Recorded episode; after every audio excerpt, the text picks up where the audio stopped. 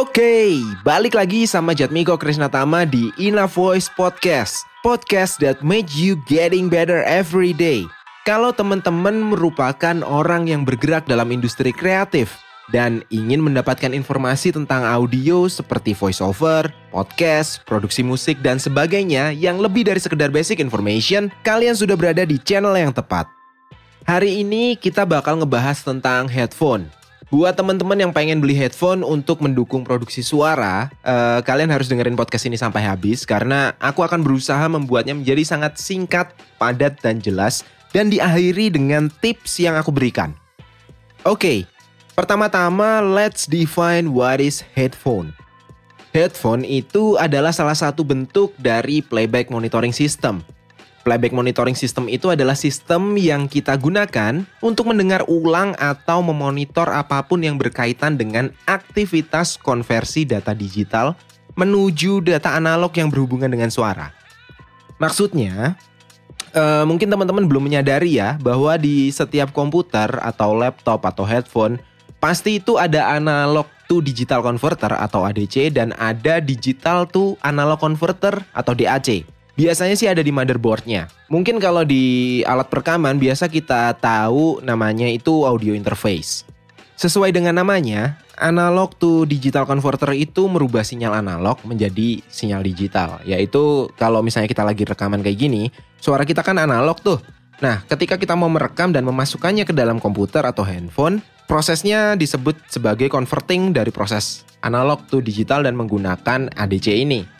Sedangkan kalau proses e, merubah atau mendengarkan ulang data digital yang ada di dalam komputer atau handphone atau mungkin laptop kalian itu menggunakan DAC yang mana DAC berfungsi untuk merubah data digital atau data-data yang ada di analog berupa MP3, berupa WAV, berupa apa pun itu untuk bisa kita dengar ulang.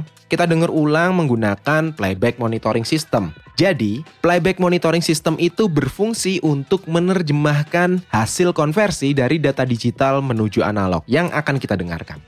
Dalam playback monitoring system sendiri itu ada dua jenis, yaitu ada headphone dan ada speaker. Kalau headphone dan speaker ini sesuai dengan perkembangan teknologinya juga berkembang sangat-sangat uh, luas ya. Ada kayak misalnya ada headphone Bluetooth, ada speaker Bluetooth dan segala macamnya. Khusus dalam podcast ini, aku bakal jelasin tentang headphone yang khususnya berjenis studio monitor headphone, bukan hi-fi headphone. Oke, kita jelasin dulu nih apa itu hi-fi headphone dan apa itu studio monitor headphone. Yang sangat jelas membedakan antara kedua headphone ini adalah cara mereka mengeluarkan suara yang nanti akan kita dengarkan. Kalau hi-fi atau singkatannya dari high fidelity, biasanya sih dipakai sama audiophile untuk ngedengerin lagu atau uh, ngedengerin musik ya. Jadi ada boosting tertentu pada frekuensi-frekuensi yang akan mereka dengarkan. Udah nggak flat gitu. Sedangkan kalau studio monitor itu biasanya dipakai sama audio engineer untuk kebutuhan produksi dan post produksi suara. Suara yang kita dengerin kalau kita pakai uh, studio monitor ini cenderung flat, nggak ada boosting-boosting tertentu pada frekuensinya. Jadi lebih enak kalau digunain memang untuk produksi suara sehingga apa yang kita akan proses itu benar-benar natural dari apa yang akan kita kerjakan ya. Misalnya kalian harus enhance uh, frekuensi tertentu karena nggak ada alter dari frekuensi yang sudah di boost melalui headphone hi-fi, jadi lebih enak gitu proses editing, mixing dan masteringnya. Oke, karena kita udah ngerti nih ada dua kategori headphone yaitu kategori hi-fi dan ada kategori studio monitor dan aku dalam podcast ini akan menjelaskan kategori headphone studio monitor. Maka aku akan menjelaskan lebih dalam tentang headphone tersebut. Apa sih uh, headphone studio monitor ini? Kayak yang tadi udah aku jelasin kan, headphone studio monitor ini kan uh, enak ya buat melakukan produksi suara untuk editing, mixing, mastering pada saat rekaman juga kayak gitu lebih enak. Nah, di dalam headphone studio monitor ini itu ada dua jenis juga. Ada open back headphone dan ada juga close back headphone. Kita coba jelasin satu persatu apa itu open back headphone dan apa itu close back headphone. Kita mulai dari yang pertama ya. Open back headphone itu adalah headphone yang pada bagian earcupnya nggak kebuat dari bahan yang solid. Karena nggak terbuat dari bahan yang solid, ada rongga udara atau ada bolongan-bolongan untuk rongga udara yang bisa membuat udara itu keluar masuk melalui headphone tersebut. Headphone ini karena ada rongga udaranya ngebuat uh, dipakai dalam jangka waktu yang lebih lama itu lebih nyaman. Selain itu karena udaranya nggak ketrap di dalam earcup, suara yang kita dengarkan itu tidak teralter. Ya kalau teman-teman belum pada tahu, suara itu kan merambat melalui medium udara. Nah, kalau di dalam headphone ada udara yang ketrap dan udara itu nggak bisa keluar masuk karena nggak ada rongga udaranya, maka suara yang akan kita dengarkan pasti juga akan kealter atau kerubah karena medium rambatannya juga berubah. Dari dua hal ini yaitu nyaman digunakan untuk jangka waktu yang lebih lama dan suara yang kita dengarkan itu tidak teralter, maka headphone ini nih baik banget untuk digunakan dalam proses editing, mixing, dan mastering dalam satu kondisi. Ruangan tempat kamu melakukan editing, mixing, dan mastering sudah ditreatment dengan baik. Jadi kayak yang aku bilang tadi, karena headphone ini nih ada rongga udaranya, ada bolongan-bolongan kecil untuk udara bisa keluar masuk melalui headphone ini. Headphone ini menyebabkan noise cancellingnya kurang oke. Okay. Yang mana ketika kalian melakukan proses editing, mixing, dan mastering, kalian masih bisa terganggu dengan uh, background noise background noise yang mungkin akan mengganggu fokus kalian. Misalnya kayak tiba-tiba kalian lagi ngedit musik atau ngedit lagu gitu, ada suara motor RX King lewat gitu ya pasti bakal kedengeran karena noise cancellingnya itu juga kurang oke okay, karena ada rongga udara ini. Terus juga kalau misalnya kalian mau pakai headphone ini buat di vocal booth itu juga kurang oke okay, karena pada kekerasan suara tertentu suara dari dalam headphone itu bisa keluar dan jatuhnya nanti takutnya terekam di dalam mikrofon dan itu menjadikan noise dan noise itu sulit untuk diedit. Nah, itulah open back headphone. Bagus kalau dipakai di ruangan yang udah ditreatment dengan baik dan juga sih aku nggak saranin kalau kalian mau pakai headphone ini di vocal booth karena suaranya rawan bocor dan kerekam di mikrofon. Oke, kalau jenis yang kedua adalah close back headphone. Close back headphone sendiri itu kebalikannya dari open back headphone. Earcupnya tuh terbuat dari bahan yang solid dan nggak memungkinkan udara buat keluar masuk melalui earcup. Yang mana ini bagus karena uh, bikin komponen dari headphone itu nggak lembab kalau disimpan di suhu ruangan yang tertentu. Nggak enaknya kalau pakai headphone ini adalah bikin kuping cepet capek kalau kupingnya cepat capek, memungkinkan hasil editing, mixing, dan mastering kalian itu nggak maksimal. Selain itu, karena nggak ada rongga udara, maka memilih headphone close back ini nih harus hati-hati banget.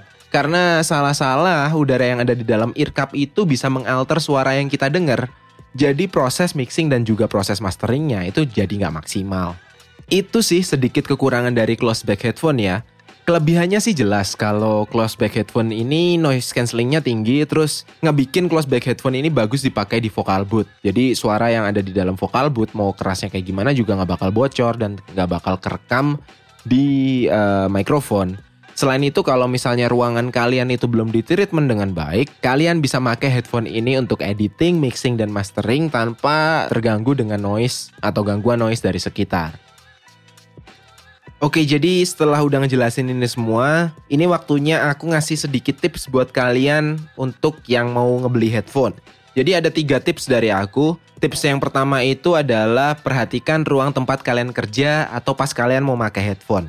Kalau ruangan kalian belum ditreatment dengan baik dan banyak noise yang bisa didengerin, saranku sih beli close back headphone. Kalau ruangan kalian udah minim noise ya mending beli open back headphone karena lebih nyaman juga dipakai perhatiin juga kalau misalnya kalian mau beli headphone ini buat dipakai di vocal booth. Misalnya buat tracking drum atau tracking instrumen atau waktu kalian rekaman suara terus pengen monitoring suara kalian keluar dari headphone gitu. Kalau saranku sih kalau yang dipakai di vocal booth pakai yang close back headphone aja.